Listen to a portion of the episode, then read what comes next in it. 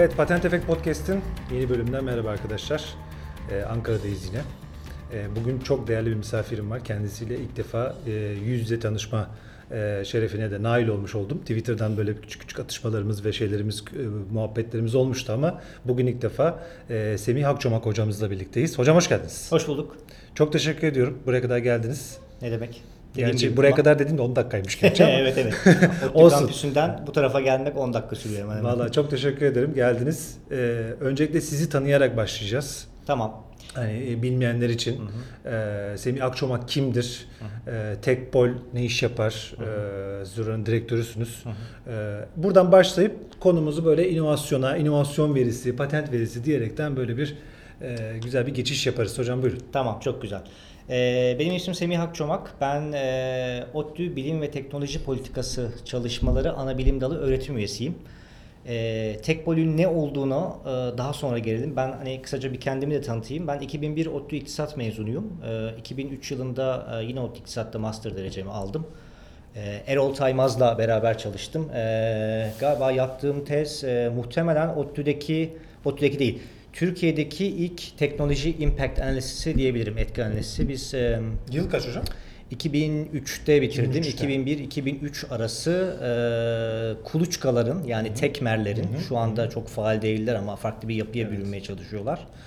E, tekmerdeki firmaların e, diğer firmalardan e, işte belli parametrelerde ne kadar farklılaştığını e, bulmaya Analiz çalışmıştık, analiz etmiştik. Evet.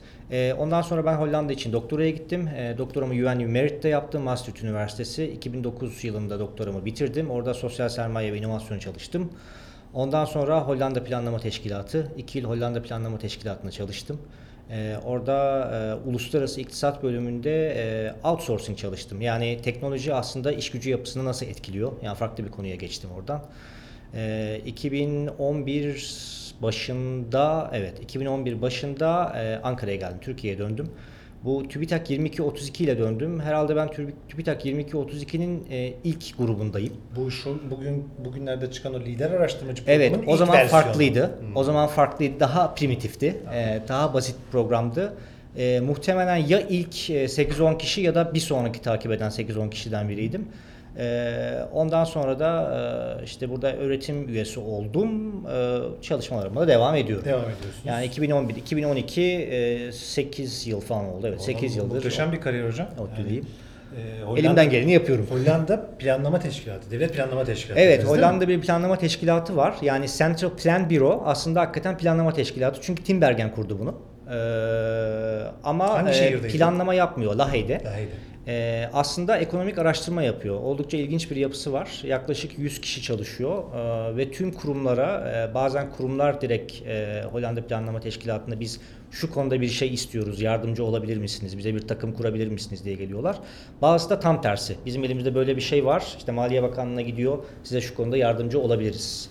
Ee, oldukça iyi bir e, araştırma merkezi. Merkezi diyebiliriz. aslında. Peki hocam Tekpol e, ne iş yapar? Tekpol nereye bağlıdır? Biraz da onun hem e, tüzel kişiliğinden de bahsedip hem de ne iş yaptığından da bahsedelim. Şimdi Tekpol'ün aslında iki tane yapı var altında. Ee, bir tanesi bilim ve teknoloji politikası çalışmaları ana bilim dalı.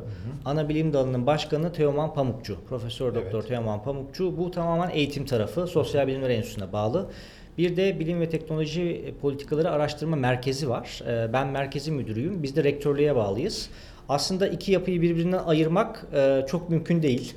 Çünkü e, yani biz e, 4-6 kişilik core bir ekip. E, onun haricinde de e, dışarıdan hani işte ders verenleri, bizim araştırmalara katkı verenleri düşünürsek 8-10 kişilik bir ekibiz aslında. E, bu ekibin yani eğitim ve araştırma fonksiyonlarını ayırmak çok e, kolay değil aslında. E, yani iki yapı aslında iç içe geçmiş durumda. Aslında bir yandan akademik çalışmalarınızda devam ediyorsunuz. Tabii. Bir yandan da Tekpol bünyesinde yayınladığınız e, verilerle, e, akademik paperlarla Evet, evet. karar vericilerin daha iyi karar vermesini sağlamaya çalışıyorsunuz. Sağlamaya çalışıyoruz. Ne kadar kullanıyorlar bilmiyorum. Umarım kullanıyorlardır. Ama e, ben hani e, programdan da bahsedeyim biraz. Tabii. Çünkü e, Türkiye'de e, farklı e, yani e, nasıl diyeyim e, toplum ve bilim e, ve hani e, inovasyon çalışmaları diye farklı branşlar var gerçi ama e, bilim ve teknoloji politikası e, olarak 1998'den beri 20 yıllık, 22 yıllık bir geçiş var şu anda. E, yaklaşık 260 tane yüksek lisans ve doktora mezunumuz var. E, o yüzden Türkiye'de e, bu alanda e, hani insan kaynağı yetiştirmek açısından da aslında oldukça önemli bir misyonu var. Evet. E, belki bu bizim birazcık görünmez yüzümüz e, ama bizim mezunlarımıza bir şekilde her yerde görebilirsiniz. Yani kamu kamuda da var, özel şirketlerde de var, STK'larda görev alıyorlar, her yerde görev alıyorlar. Vallahi bravo. Yani bir okul gibi aslında. Hem E, bir anlamda öyle, tabii. üretim merkezi şeklinde e, kullanabiliriz. Peki hocam sizin ana çalışma alan, alanınız ben inovasyon yönetimi, daha doğrusu ülkeler arası ekonomik ve makroekonomik e, karşılaştırmaların yapılması. E, bunun içerisinde artık inovasyonu ölçümleme parametrelerinden e, artık bugün ko- konularımızdan bir tanesi zaten bu. Bütün parametrelerden e, artık hangileri daha çok önemliyse onları kullanarak akademik yayınlar yapıyorsunuz. E, bu noktadan çıkışla inovasyon konusunda Türkiye globalde nerede, dünya ne tarafa doğru gidiyor, hangi ülkeler ve hangi şehirler e, bu noktada farklı parametreler açısından üstünlük sağlıyorlar ve belki nedenlerini falan da konuşabiliriz. Böyle bir küçük bir giriş yapalım.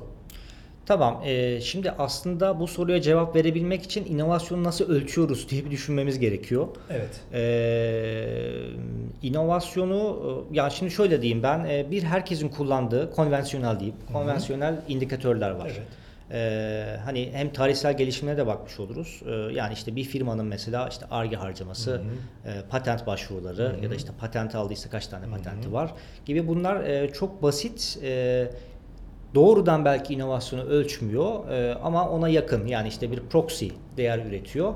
E, ve buradan biz hani firmaların ne kadar inovatif e, ya da ne kadar e, ARGE faaliyetlerine e, hem zaman hem para ayırdığını e, az çok görebiliyoruz. Firmaları toplulaştırdığınız zaman da e, artık hangi e, aşamada toplulaştırıyorsanız yani bölgesel de yapabilirsiniz, ülke bazında yapabilirsiniz.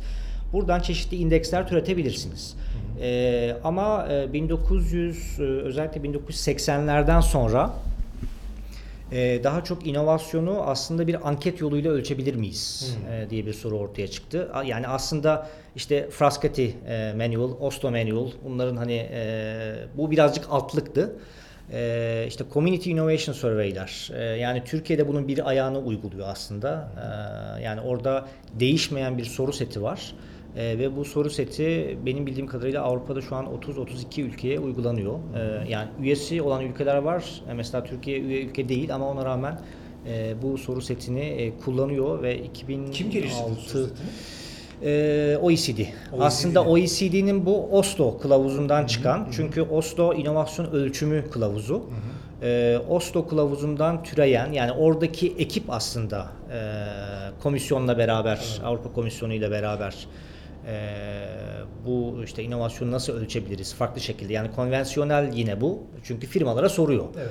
E, ama firmaların datalarını direkt kullanmak yerine e, yani firmalara çok basit bir soru üretiyor. İşte son 3 yılda e, herhangi bir inovasyon faaliyetinde bulundunuz mu? Evet, hayır. Ondan sonra evet diyorsanız bir sürü soru soruyor. Hayır diyorsanız farklı sorular soruyor. Bu şekilde e, yaklaşık işte mm, 8-10 sayfalık içinde şu anda kaç tane soru var bilemiyorum ama cevaplaması muhtemelen bir 2-3 saatinizi alabilecek. Mutlaka yüz yüze Ee, lazım. abi. evet yani şu anda online toplanıyor. Eskiden yüz yüzeydi ama şu anda benim bildiğim kadarıyla online toplanıyor. Ee, yani tüm e, ülkeler e, işte dediğim gibi Avrupa'da 30-32 tane ülke var. Ee, bunların tüm dataları Eurostat'ta. Eğer bu datalara uğraşmak istiyorsanız maalesef Lüksemburg'a gitmeniz gerekiyor Eurostat'a. Ee, orada Öyle mi? çalışmanız gerekiyor. Yani evet. Online Eurostat database'ine girip e, bir şekilde yayınlandıysa mikro datayı indiremiyorsunuz. İndiremiyoruz, tamam. Ama işte bölge bazında, ülke bazında data isterseniz oradan türetilmiş indikatörler var. Onları Eurostat'ın database'inden zaten çekebilirsiniz. O zaman burada dinleyicilerimiz çok merak ediyorlarsa bir Lüksemburg bileti git gel. Evet yani evet ve birazcık da pahalı bir şey çünkü size bir hani orada çalışma alanı veriyorlar. Çalışma alanı kiralı. Yani oraya para veriyorsunuz. Tabii veriyi alacağım bir de orada Ee, çalışacağım. Veriyi dışarıya çıkaramıyorsunuz. Hiçbir şekilde dışarıya hiçbir şey çıkaramıyorsunuz. Bir memory stick'le gidip e, kullanacağınız dataları oraya yükletip daha önceden işte bir protokol imzalanıyor. Tamam. Orada çalışmalarınızı yapıyorsunuz. Bütün output'unuzu ne ürettiyseniz oraya yüklüyorsunuz. Onu birisi kontrol ediyor. Sizden sayfa başına para alırlar. Onun için çok output üretirseniz çok para verirsiniz. Çok enteresan. Ya, yani ilk oldukça aslında optimize etmeniz gerekiyor. Yani oraya gitmeden önce ne yapacaksınız, nasıl yapacaksınız her şeyi düşünmeniz gerekiyor. Yani ben gideyim bir bakayım derseniz yani boşuna gitmişsiniz demeyeyim ama Fazla para boşuna harcarsınız. evet para harcamış olabilirsiniz. Şimdi şöyle tüm datalara uğraşmak isterseniz orada. Ama e, her ülke kendi datasını açıyor. Bunun içinde TÜİK'in benzer bir e, sistemi var. E, eğer üniversite personeliyseniz üniversiteden bir yazı götürerek orayı bedava kullanabiliyorsunuz. Yine yerinde mi kullanıyorsunuz? Ee, evet yine TÜİK binasına gitmeniz gerekiyor. Orada özel bir çalışma alanı var. Ee, orada bu mikro yani mikrodan kastım şu e, firma veri setini firmanın isimlerini bilgilerini görmüyorsunuz tabii ki. Bir ID e, yani bir numara var. Sadece o numarayı görüyorsunuz Sektörünü ama falan görebiliyor musunuz? her şeyi görebiliyorsunuz. Tam bir mikro veri seti. Ee, onu e, alıp bir şekilde kullanabilirsiniz. Çok iyi. Şimdi e, bunların haricinde şu anda esas ne oluyor? Çünkü şu anda bence ölçüm çok farklı bir yere gidiyor. E, hani dedim ya çok conventional e, yapıyorduk biz bu Evet. işi. E, ama şu anda e, tamamen e, bilgisayarların gelişmesiyle ve data işleme teknolojisinin çok gelişmesiyle beraber O zaman hocam izninizle buraya ben Aha. bir AI Big Data yapıştırıyorum. tamam Yapıştırdım. Bunu yapıştırabilirsiniz. kullanmadan olmuyor çünkü. Yani meşhur AI kullanılıyor. Big Data falan filan. Evet hocam. Şimdi e, farklı şekilde e, ya bu ölçüm m, yöntemleri şu anda standartize olmadı E, ama ben geleceğin e, bunda olduğunu düşünüyorum. E, birkaç örnek vermem gerekirse e, şimdi biz e, patenti mesela alıyoruz. Şimdi diyoruz ki firmanın 100 tane patenti var, öbür firmanın 200 tane patenti var. E, ikinci firma birinci firmadan iyi mi? Bilemeyiz. Çünkü 200 patent var ama belki hepsi öylesine Çöp de patent. olabilir. Çöp de olabilir. Ama 100 patentin içinde belki firmanın bir tane çok iyi patenti var. Ee, onun için burada hem valuation yani o patentin added value'su ne onu bir iyi öğrenmemiz gerekiyor. Bunun için birkaç teknik geliştiriliyor. Tamamen patentin e, içeriğinin metin analizi. Yani burada da çok basit bir şey kullanıyor aslında. Bir patenti alıyorlar, e, 20 yıl geriye gidiyorlar. Yani bunu e, Amerika için e, ilk yani 1800'lü yıllardan beri yapabiliyorlar. Çünkü patent metinleri var. Hepsi dijital. Ee, evet hepsi dijital. Ee, bir patenti alıyorlar 20 yıl geriye gider ve şunu bakıyorlar. Ee, o patentte kullanılan e, kelimeler ve kavramlar önceki 20 yıldan e, ya da 30 yıldan o periyot neyse e, ne kadar farklılaşıyor.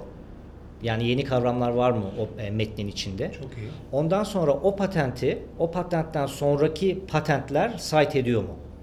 Eğer cite ediyorsa o patent aslında başlangıç patenti demektir. Evet, Yani bir alan teknoloji. açıyor demektir. Ee, böylece aslında tüm patentlerin yani şu anda Amerika'da ne kadar 4 milyon patent var bildiğim kadarıyla tüm tarihine bakarsanız. Tüm Daha patentler fa- için daha aslında bir fazla olur. daha fazla da olabilir bilemiyorum. Ee, aslında tüm patentler için bir indeks belirleyebilirsiniz bunu yaparsanız.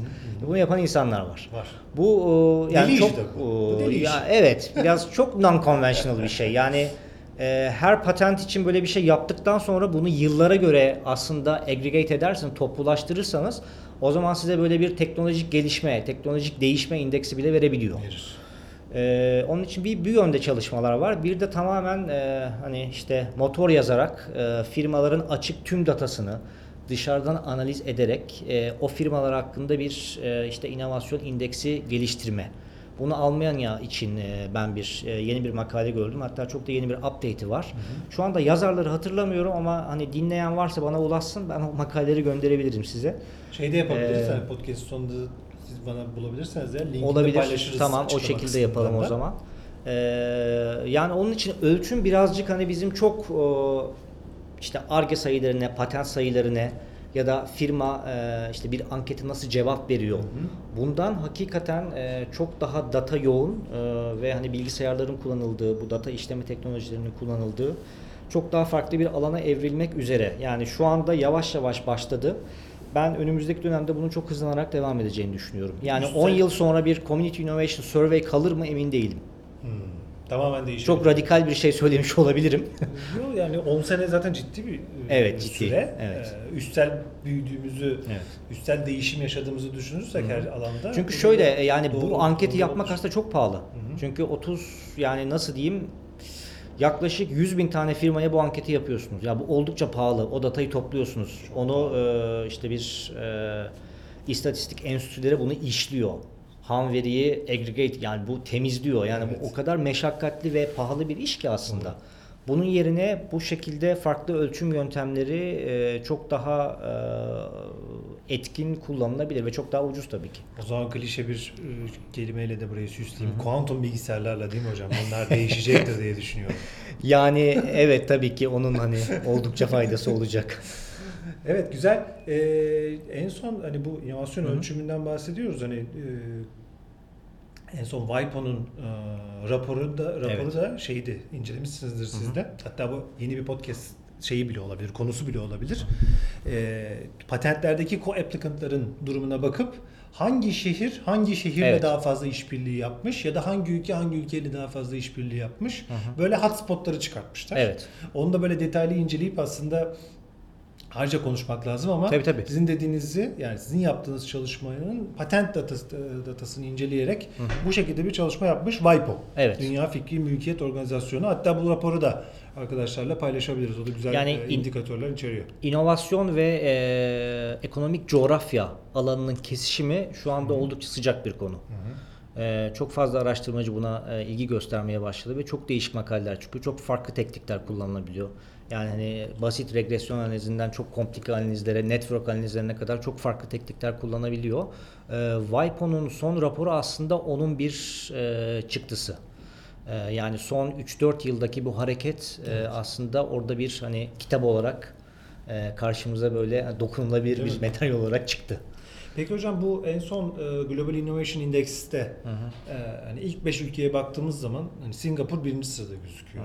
Bu, bunları da hiç değerlendirdiniz mi? Hani neden Singapur birinci sırada çıkıyor? Tabii ki de raporun içerisine baktığımız zaman şey çıkıyor da hani bizim böyle halk dilinde bizim anlayabileceğimiz hani Singapur ufacık bir ülke. Nasıl oluyor da bu arkadaşlar inovasyon liginde birinci sırada yer alabiliyorlar? Ben açıkçası çok merak ediyorum. Yani Singapur'u da çok severim bu arada. Yani, e, imkanım olsa orada yaşarım. Yani nem nemi bir kenara bırakırsak eğer. Neyse işin şey tarafı. Yani Singapur'u ben çok merak ediyorum. Bazen de e, eski dataları hatırladığım kadar böyle Lüksem, Lüksemburg da bir ara böyle bir üst sıralarda çıkardı. O da küçücük bir ülkedir. Ee, hani paydası küçük olduğu için mi? Hani nüfus küçük olduğu için mi bunlar bu Onun kadar- etkisi çok tabii ki.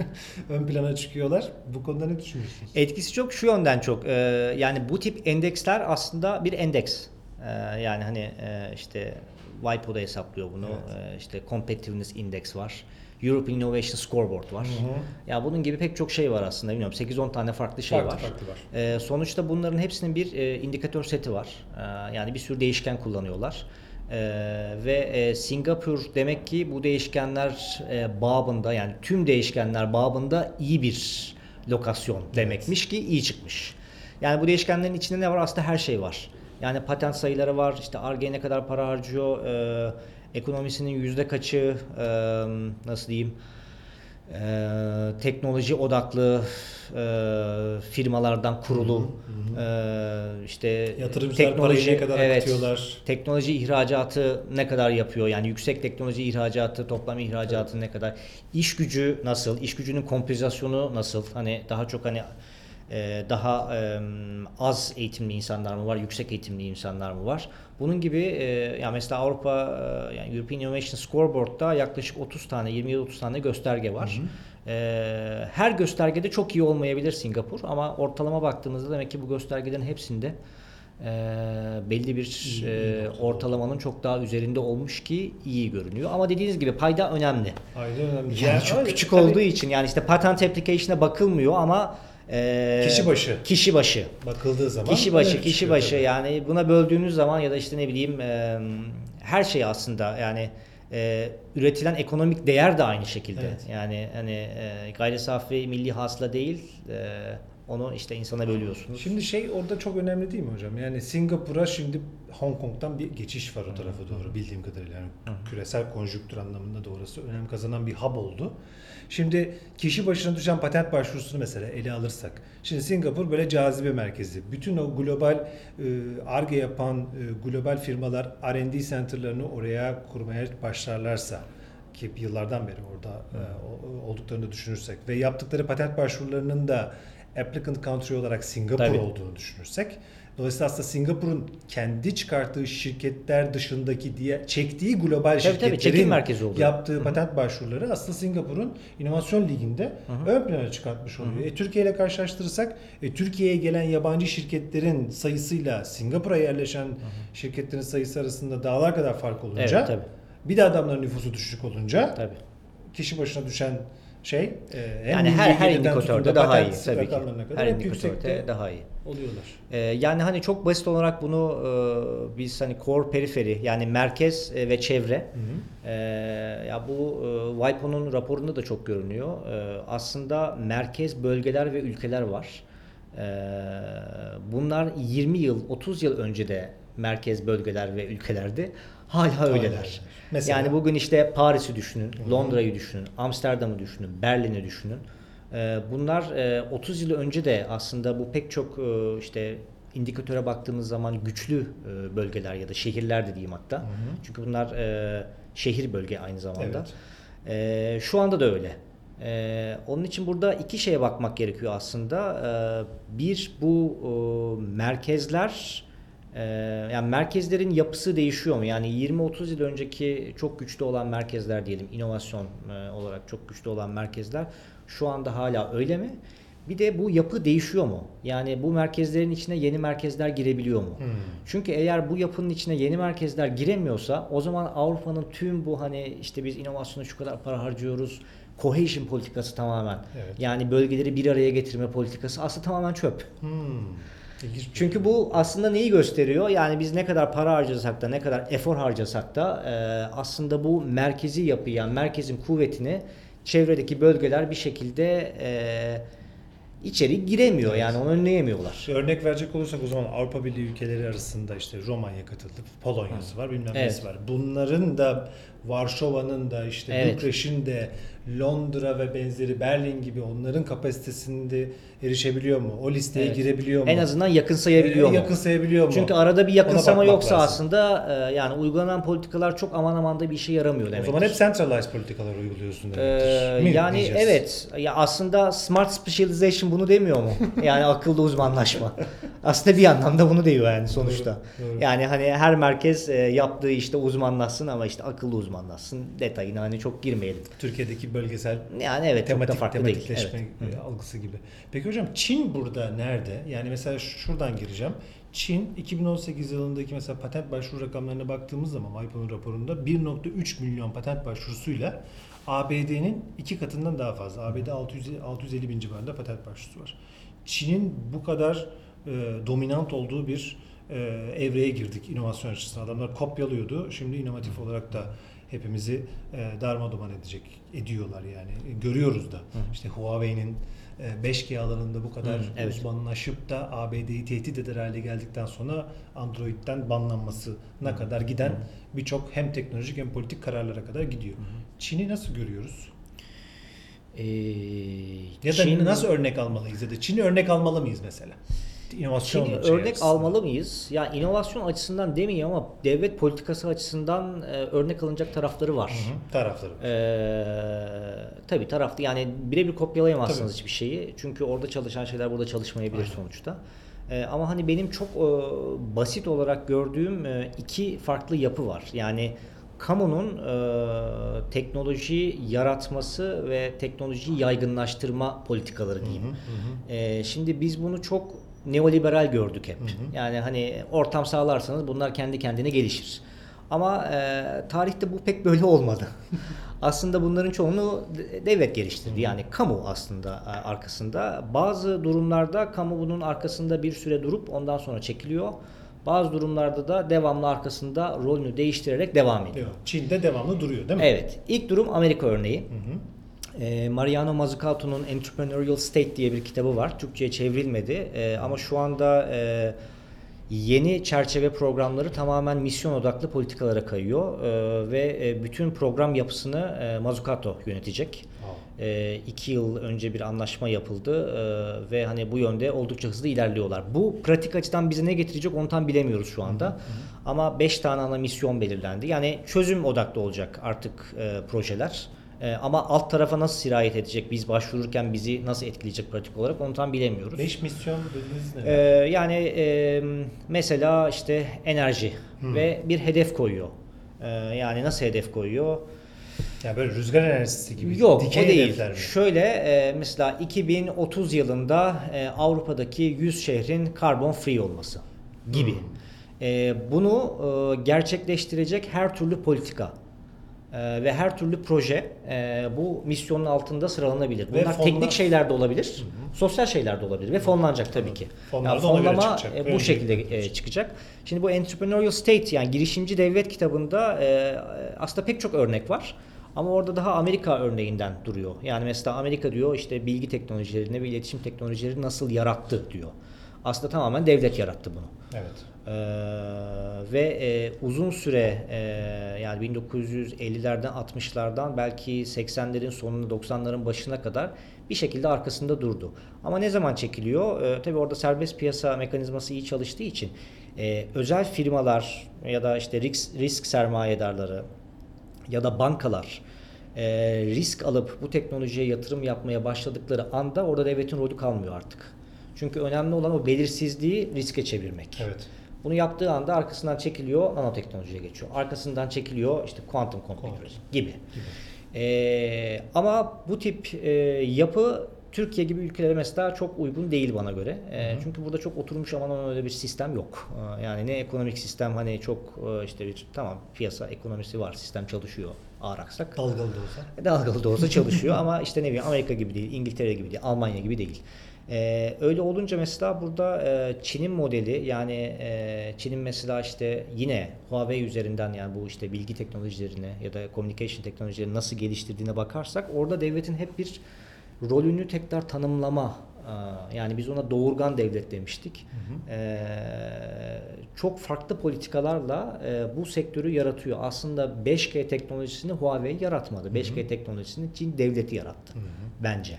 Ve hala Huawei'nin arkasında. Huawei bir Gerçi şirket Eri- gibi görünüyor. Gerçi Ericsson'da 5G'de biz lideriz diye bir rapor yayınladı. Evet Şimdi ama bilmiyorum e, ya şimdi Ericsson'un 5G teknolojisini e, üretmesini çok e, garipsemeyebiliriz biz. Yani sonuçta orada hani çok kuvvetli bir teknolojik altyapı var Evet, yıllardan geçmişten beri. bu yana. E, ama Çin bunu e, hani çok basit olarak sıfırdan kurup bu seviyeye geliştirdi. Yani çok basit karşılaştırma yapın. Teletaş'la Huawei'yi karşılaştırın.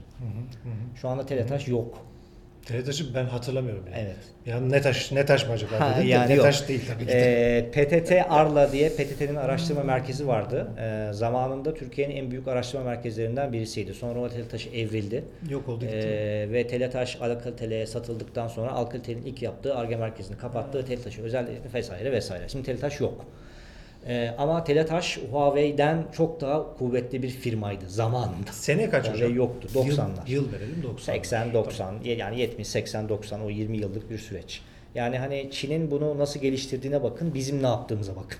Ve O güzel bir örnek şu yani bence. noktaya da belki değinmek lazım. Huawei'nin 5G alanını bu kadar iyi git, git- gitmesini övüyoruz ama onların da taptığı bir Türk hoca var. Evet tabii. Bilkent'te. Evet. İsmini şu anda hatırlamıyorum. Ama bulup Hocamız şey yaz- yazacağım. E, hatta o, o hocaya özel e, video falan çektiler. Evet, evet. Yani o videoyu da bulup ben e, koyacağım. E Yani hub Dolayısıyla- olmaktan zaten hani biraz önce dedin ya merkez olmanın şeyi bu. Yani Evet. Huawei çok iyiyse nerede olursa olsun insanları buluyor kendine çekiyor. Yani hani bulamasa bile insanlar Huawei'yi buluyor. Yani benim şöyle bir şeyim var. Yani mutlaka e, yani çekim merkezi olmaktan kastımız bu aslında. Evet. Yani İstanbul bu anlamda mesela e, yani girişimcilik sistemi olarak, ekosistemi olarak bakın mesela. E, işte top 20, top 30, top 50 listeleri var. O listelerin içinde değil. Değiliz yani bunun maalesef. bir sebebi olması lazım. E, belki yavaş yavaş gelişecek. Hani çok da haksızlık etmek de istemiyorum ben. Çünkü bu ekosistemin yani Türkiye'de ne kadar geçmişi var ki 20 yıl bile değil. Değil tabii ki de. Ee, ilk 10 yılda saymayın bence 10 yıl. Yani Bence de 2010'dan 10 yıl- 2008 2010'dan sonra 10 yıllık bir geçmişi var. Belki çok da hani yavaş yavaş gelişen bir şey bu sonuçta. Hani çok da haksızlık etmek istemiyorum ama yani bu merkezlerin içine ne kadar e, işte kamu politikalarıyla ve firma stratejiler ne kadar hızlı girersek e, çekim gücünün avantajlarını da aslında o kadar e, iyi kullanacağız. Aslında şu anda biz devlet olarak hani devlet e, destekleriyle bir şekilde ARGE ve inovasyonu destekliyoruz. Evet destekliyoruz. Ee, Az veya çok bilmiyorum ama sonuç olarak bir hibe de cenneti diyebiliriz bence. Mekanizma cenneti. Türkiye'ye. Ben Mekanizma, onu- cenneti. mekanizma belki, cenneti. O kadar mi? çok politika aracı var ki Ha. bazısı birbiriyle çatışır. Çatışır. Bazısı aynı şeyi yapar farklı kurumların. Çok politika aracı var. Doğru, doğru. Yani devletin kendi kurumları da birbirleriyle aynı misyona sahip Evet. E, çağrı programları, fon programları da çıkabiliyor. Dolayısıyla aslında devlet şeyi destekliyor. Arge inovasyonu destekliyor. Tabii ki. Ama biz doğrusal büyüme, büyürken millet üstsel büyüdü gitti. Dolayısıyla bizim bu e, Arge inovasyon teşviklerimiz ne kadar arttı desek de e, global impact'i diğerleriyle yarışma aç- açısından baktığımız zaman düşük kalıyor. Dolayısıyla bizim aslında böyle üstsel büyüyebilecek küçük dikeylerde farklı teknolojik alanlara e, öncelik vermemiz gerekiyor diye düşünüyorum. Yani Evet. şimdi devletin en son 2023 e, sanayi politikasına baktığımız zaman öncelikli alanları sıralamışlar. Nanoteknoloji, yapay Her zeka, şey- her şey öncelikli alan. everything. Yani her şey öncelikli alan. Bir kere her şey de öncelikli alan Olamaz. olabilir mi? Hocam Yani sağlık diye bir öncelikli alan Olabilir olamaz. mi? Yani sağlığın içinde niş bir alan seçmeniz gerek. Yani Enerji şey- diye bir evet. öncelikli alan olamaz. olamaz. Enerjinin içinde bir alan seçeceksiniz. Mesela diyeceksiniz ki hidrojen Evet. ya da hidrojen yakıt pili ya da diyeceksiniz güneş enerjisi. Yani e, aslında öncelikli sektörler bu şekilde belirlenir. E, aslında çok basit olarak teknoloji politikası iki şey yapıyor. Bir teknolojinin yönünü belirleyebilir devlet. Bir de e, teknolojinin yönünü kendi belirlese de ya da dışarıdan hani bir teknolojiyi alsa da bu teknolojinin yayılma hızını belirleyebilir. Biz genelde yayılma üzerinden hızı üzerinden tasarlıyoruz tüm politikaları. Yani bir teknolojiyi dışarıdan alıyoruz ya da o, o bu şekilde burada üretiliyor, üretilmiyor. Ee, bu e, topluma ne kadar yayılıyor, firmalara ne kadar yayılıyor, bunu ne kadar etkin olarak kullanıyoruz ve bundan ne çıkarıyoruz. Ama spesifik olarak bir teknolojiyi yaratmıyor. Teknolojinin yönünden kastım o. Ee, yani e, şu anda mesela işte kuantum bilgisayarlar diyelim. Şu anda kuantum bilgisayarlar gelişiyor. Birkaç farklı teknoloji var belki. Bu teknolojilerden bir tanesini devlet öngörüyle görüp ben şu teknolojiyi seçiyorum ve buna özel destek sağlayacağım diye bir politika geliştiriyor mu? Geliştirmiyor. Yani bizim e, bu açıdan oldukça büyük eksikliğimiz var. Eksikliğimiz var. Ee, Katılıyorum. biz yani teknoloji seçimi yani yön belirleyemiyoruz. Aslında yön belirlemesi gerek. Ee, yani bunun en güzel örneğini de sen verdin işte. Yani hani e, öncelikli alan belirliyoruz. Öncelikli alanlar öncelikli alan değil bana göre. Değil yani yapay zeka Her şey öncelikli içeriyor. alan değil yani. Ee, yani evet. Herkes orada zaten. Oldukça niş bir Şey yani ama- ve e, kompozisyonu da çok iyi kurmak gerekiyor. Yani mesela Çin'in otomotiv sektöründe e, işte şu anda hani elektrik elektrikli arabalar ya da hibrit arabaları konuşuyoruz. Yani bu 20-25 yıllık tasarlanan bir politika. Yani hem otomotiv sektörünün geliştirilmesi, bir tane kit yaratılması. Ondan sonra o kitin yalnız bırakılmaması için bir tane daha kit yaratılması, bunların birbiriyle rekabet hale edebilir Kitten getirilmesi. kastımız kamu iktisadi teşekkür. Kamu iktisadi teşekkülü. Yani bunu bunu da bu ikisini de devlet yapıyor. Evet. İki yapıyla devlet yaratıyor. Birbiriyle rekabeti zorluyor. Yani bu çok özgün bir politika aslında. Evet, evet, evet. Ee, ondan sonra e, bunu görüp e, sonuçta pillerin ham maddeleri de yani Çin bu konuda oldukça zengin. Üretiyor mu Ee, ham maddelerini acaba? Ham maddesi var. Bunu üretiyor, işliyor, pilleri yapıyor. Ee, Yani pil teknolojisi konusunda oldukça e, şu anda teknolojik olarak ileride. Ya Tür- bu hani böyle bir şey tasarlanmış, bir Tasarlanmış. politika yani 3-5 yıllık bir şey değil. Evet evet evet. E, Şimdi şeyden en son 2018 i- ithalat rakamlarına baktığımız zaman da kimyevi ürünler, kimyasal Evet. ham maddeler Türkiye'nin en fazla ithal ettiği ürün kalemi olarak Evet. karşımıza çıkıyor. Şimdi Çin diyorsunuz hani bataryaların ham maddeleri ne kadar üretiyor. Tabii. E şimdi biz elektrik elektrikli şey araçlar için pil üretmeye kalksak e, ham madde dışarıda. Yani belki de öncelik ham maddeyi üretmek olacak ama orada da büyük karteller var. Onlarla nasıl baş edilir bilmiyorum. Hani o biraz da devlet politikasına da ülkeler arası savaşa da e, sebebiyet verecek şekilde Doğru ama işte bazen. niş niş alan seçiyorsak onu Evet. buna göre seçmek gerekiyor. Evet. Yani bu alanda güçlü değilseniz o alanı seçmeyin. Yani milli otomobil işte şey diyor olmayı versin ama başka bir şey olsun. Uçan araba olsun. Ben ben hep onu söylüyorum. Drone olsun. Drone olsun. Yani Gibi. İHA'lara mesela İHA'lar konusunda Evet, iyi yani şirketlerimiz hani var. çok, e, İHA'ya yönelelim. Evet. Yani niye yani e, neden hani böyle bilmiyorum bu öncelikli alanların belirlenmesi konusunda bence biz çok hata hata yapıyoruz o konuda. Ya bunları daha iyi belirleyip e, kaynakları oraya daha iyi aktarmalıyız. daha kapsamlı bir çalışma yapılması. Yani bunlar 3 milyon, 5 milyon, 1 milyar TL bin bunlar olacak işler değil. Yani e, Çin hükümetinin yatırım bankaları aracılığıyla e, Huawei ve ZTE'ye aktardığı para yani milyarlarca, dolar. Milyarlarca dolar. Milyarlarca dolar hakikaten. Yani Moral 3-5 bozma- milyar dolar değil yani, Yani milyarlarca dolar. Bizim e, 2018'de Arge'ye ayırdığımız para ne kadar hocam? Aklınızda var mı? Toplam yani Aklınızda mı? e, değil. Tamam.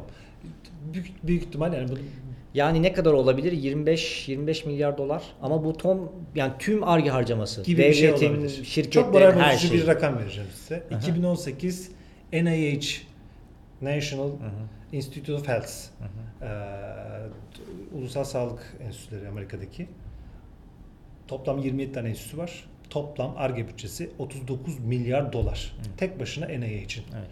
Yani bizim 25 milyar dolar 15 milyar dolar tam doğru mu şu anda 50 bilemedim. milyar dolar olsun. etmedim. Yani yine Yok, kötü. daha düşük. Daha düşük Galiba daha düşük. Ama yani 50 milyar dolar bile olsa Evet. bir NIH kadar e, ARGE bütçemiz yok. Dolayısıyla e, nasıl yarışacağız? E, Bunlarla nasıl rekabet edeceğiz? Bilmiyorum. E, Çok daha farklı belki e, radikal politikalara ihtiyacımız olacaktır. Ee, evet yani burada kamunun çok daha etkin rol oynaması gerekiyor. Ee, çünkü Türkiye'den dediğim gibi kamu politikaları genelde ortamı boş politikalar. Hı. Yani boş bırakan politika Hı anlayışı var bizde. Yani daha e, nasıl diyeyim biraz daha proaktif olması gerekiyor devletin. Evet. Ee, bunun için tabii devletin güçlü de olması gerekiyor. Yani hani teknoloji seçimi e, kararı aslında oldukça güçlü bir devlet gerekiyor. Yani diyor ki ben o teknolojiye yatırım yapmayacağım. Öngördüğüme göre şu teknoloji çok daha iyi olacak. Hı hı. Yani bu hakikaten aslında bir çok iyi bir ön çalışma gerekiyor ve oldukça bir güçlü devlet yapısı gerekiyor. Diğer ve finansman tabii aslında. diğer devletlerin itirazlarına da dik bir şekilde durulması direnebilecek gerekiyor. tabii ki. Evet. Hocam bu arada e, şeyi de konuşmakta fayda var. Türkiye'de ilk defa bir araştırmacı Avrupa Patent Ofisi'nden bir fon alarak bir araştırma projesi yapma hakkına nail oldu. Evet. Değil mi? Doğru cümle bu Doğru. aslında. Biraz da ondan bahsedebilir misiniz? Öncelikle tebrik ediyorum sizi. Teşekkür ederim. Ee, Avrupa Patent Ofisi'nin en son e, yayınladığı, e, desteklediği projeler arasında Türkiye'den bir tek siz varsınız. Ekipte birkaç kişi daha var Evet, bildiğim var. kadarıyla. Onların da belki isimlerini de zikrederek burada onlara da teşekkür ede- edebiliriz. Bu projede neyi hedefliyoruz? Ne yapmayı planlıyorsunuz?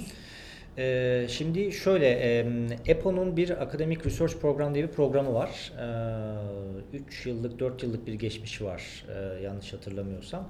E, burada yaklaşık e, yani genelde 4 ya da 5 projeye destek veriyor. E, bu genelde patent datasını kullanmakla ilgili 5 tane tema var. Ee, ve bu temalara siz işte bir e, ekip oluşturarak e, başvuruyorsunuz. Ee, bu sene biz aldık. Yani Avrupa'da 5 projeden bir tanesiyiz. Ee, ben e, PI olarak görünüyorum ama e, hani o çok önemli değil. Benim sadece ismim var orada ama aslında ekip önemli burada. Ee, yani ben e, Erkan Hoca, Erkan Erdil, e, ODTÜ İktisat Bölümünden ve Tekpol'den. Ee, Umut Yılmaz Çetinkaya, YNR danışmanlık. Ee, Umut bizim doktora mezunumuz. Kaç yıl oldu? 3-4 yıl oldu galiba tam hatırlayamıyorum. Ee, ve e, Fransa'dan Müge Özman hoca. Şimdi Müge eskiden e, Tekpol'deydi e, ama daha sonra Fransa'ya göçtü. Bayağı da oldu 7-8 yıl oldu. Şu anda orada profesör. Ee, 4 kişilik bir ekibiz bir biz. Ne kadar süresi var hocam Ee, projenin? Ne bir yıllık bir proje, Bir yıl sonra bir yıllık bir proje. olarak görebileceğimiz bir Ee, şey mi bu? Galiba. Yani şöyle aslında biz bir kitap yazıyoruz. E, Rootluca. Yani Knowledge Cohesion Türkçe'ye nasıl çevrilebilir bilemiyorum. Çünkü cohesion kavramını çevirmek zor azıcık. Yani bir araya yakınsama, bir araya getirme diyelim. Yani bilgi seviyelerinin Avrupa bölgelerinde bir araya getirilmesi prosesi diyelim. Biz aslında bu prosesi incelemeye çalışıyoruz. Yani böyle bir kavramı da biz hani birazcık uydurduk. Ne kadar tutar ne kadar tutmaz bilemiyoruz. Cohesion kavramı daha çok işte e, iktisadi yani economic cohesion, social cohesion üzerinden gidiyor. Ee, biz çok basit olarak şuna bakıyoruz aslında. Ee, Avrupa Birliği çerçeve programları datasını kullanıyoruz. Yani 1984'ten beri e, tüm projeler ve tüm proje ortaklıkları. Ee, buradan statik olarak yıllar bazında network datası, e, network analizi yapabiliriz. Yani hangi bölgeler hangi bölgelerle ortaklık yapıyor. Ee, bu network haritasından e, hangi bölgeler çekim merkezi, e, hangi bölgeler dışarıda kalıyor, bu çekim merkezlerinin dışarıda kalıyor. Bunu statik olarak görebiliyoruz. Ama biz burada daha dinamik bir analiz yapmak istiyoruz. E, her e, noda yani network'te bir node var. Node bir şehir olabilir, bir bölge olabilir. E, bir de iki bölge arasındaki ilişki var. E, bölgelerin özellikleri var. Genelde network analizinde bölgelerin özellikleri katılmıyor. Biz bu bölgelere bir özellik, e, ne tip özellikler e, katabilir? Mesela patent bunlardan bir tanesi. Yani bir e, bölgenin e, patent verilerine baktığımızda hem başvurma da olabilir, e, Tescil patenti olabilir. tescil de olabilir. E, bu o, veri çünkü o bize ne gösteriyor aslında? Bilgi altyapısını gösteriyor. Bilgi altyapısının ne kadar kuvvetlendiğini gösteriyor. Bu network yapısındaki pozisyonu değiştiriyor mu ya da network yapısını onu değiştiriyor mu? E, Bunu iki yönlü görebiliyoruz. E, Bence Apple'ın hoşuna giden birazcık bu oldu. E, Çünkü doğrudan patent datasını analiz etmiyoruz aslında. Ama güzel bir Ama indikatör birazcık olacak. farklı bir şey yapıyoruz. E, O yüzden belki hoşuna gitmiş olabilir. Sonuç olarak burada EPO'da data e, anlamında şu konuda destek verebilir size değil mi? Bölgesel olarak e, adrese dayalı patent Evet. başvurularının ve tescillerinin e, şeylerini, raw datalarını size Verebilir, sağlarsa evet. eğer ki sağlayacaktır talep ederseniz zaten. e, o noktada size büyük bir fayda sağlayacaktır. Evet. İşte işte Berlin'le Londra'dakilerin ortak yaptığı projeler, onların e, pozisyonları ve o iki şehrin atıyorum hı. ortak patent başvurularında ne kadar çok yer aldığı hı. gibi bir datada çıkabilir. Yani aslında şu anda e, bu patent datasıyla e, patente verilen atıflar ve atıfların nereden geldi? Yani patentlerden mi geliyor? Yoksa Yayınlar. bilimsel makalelerden mi geliyor? Ya da bunun tam tersi de olabilir. Yani bilimsel makaleler patente çok atıf vermiyor ama e, teknik alanlarda var aslında. Evet, var. E, bu iki datayı birbirine linklemeye çalışıyorlar. E, biz belki yapacağımız şey bu anlamda da hani ilginç olabilir. Çünkü bizim yaptığımız şey de birazcık o yani patent datasına bakıyoruz. E, oradaki e, yapının e, yani oradaki yıllar içindeki e, işte gelişmenin e, bir şekilde e, bilimsel araştırma projelerinde e, ortaklık yapısının nasıl değiştiğine bakıyoruz. Ya da bunun tam tersi. Vallahi hocam elinize sağlık. Projede tek başına sonuçlarıyla bir mer- merak unsuru. Evet. Bir yıl geçmesini sabırsızlıkla bekliyorum. Henüz Public yavaş yavaş başladık. Alırım hocam. Tamam. Sonuçları alırım. E, çok teşekkür ediyorum. Rica çok ederim. keyifliydi. Buraya kadar geldiğiniz için de ayrıca teşekkür ediyorum tekrardan. E, sizle yüz yüze tanışmak da büyük keyif. Umarım bundan sonra e, Tek bole bekleriz. Tek bole de mutlaka geleceğim. Ortak çalışmalarımız da belki olur e, bu vesileyle. İnşallah. E, çok teşekkürler katkılarınız için. Ağzınıza sağlık. Çok teşekkür ediyorum. Ee, Dinleyicilerin herhangi bir sorusu varsa bana ulaşırlar. Sizin Twitter'dan. e-mail- Twitter adresinizi verelim. E, e-maili vermeyelim. Et. KVKK kapsamında belki o konuda şey olabilir. Evet Semih Akçomak hocam çok teşekkür ederim. E, izninizle burada programı kapatıyorum. Evet arkadaşlar Patent Effect e, podcast yayınından burada e, sonuna geliyoruz. E, sevgili Semih Akçomak hocamızla birlikte çok keyifli bir bölüm çektik. E, bizi Twitter ve LinkedIn hesaplarımızdan takip edebilirsiniz. Aynı zamanda podcast'imizi Apple Podcast, Spotify ve Google Podcast üzerinden de dinleyebilirsiniz. Bir sonraki bölümde görüşmek üzere.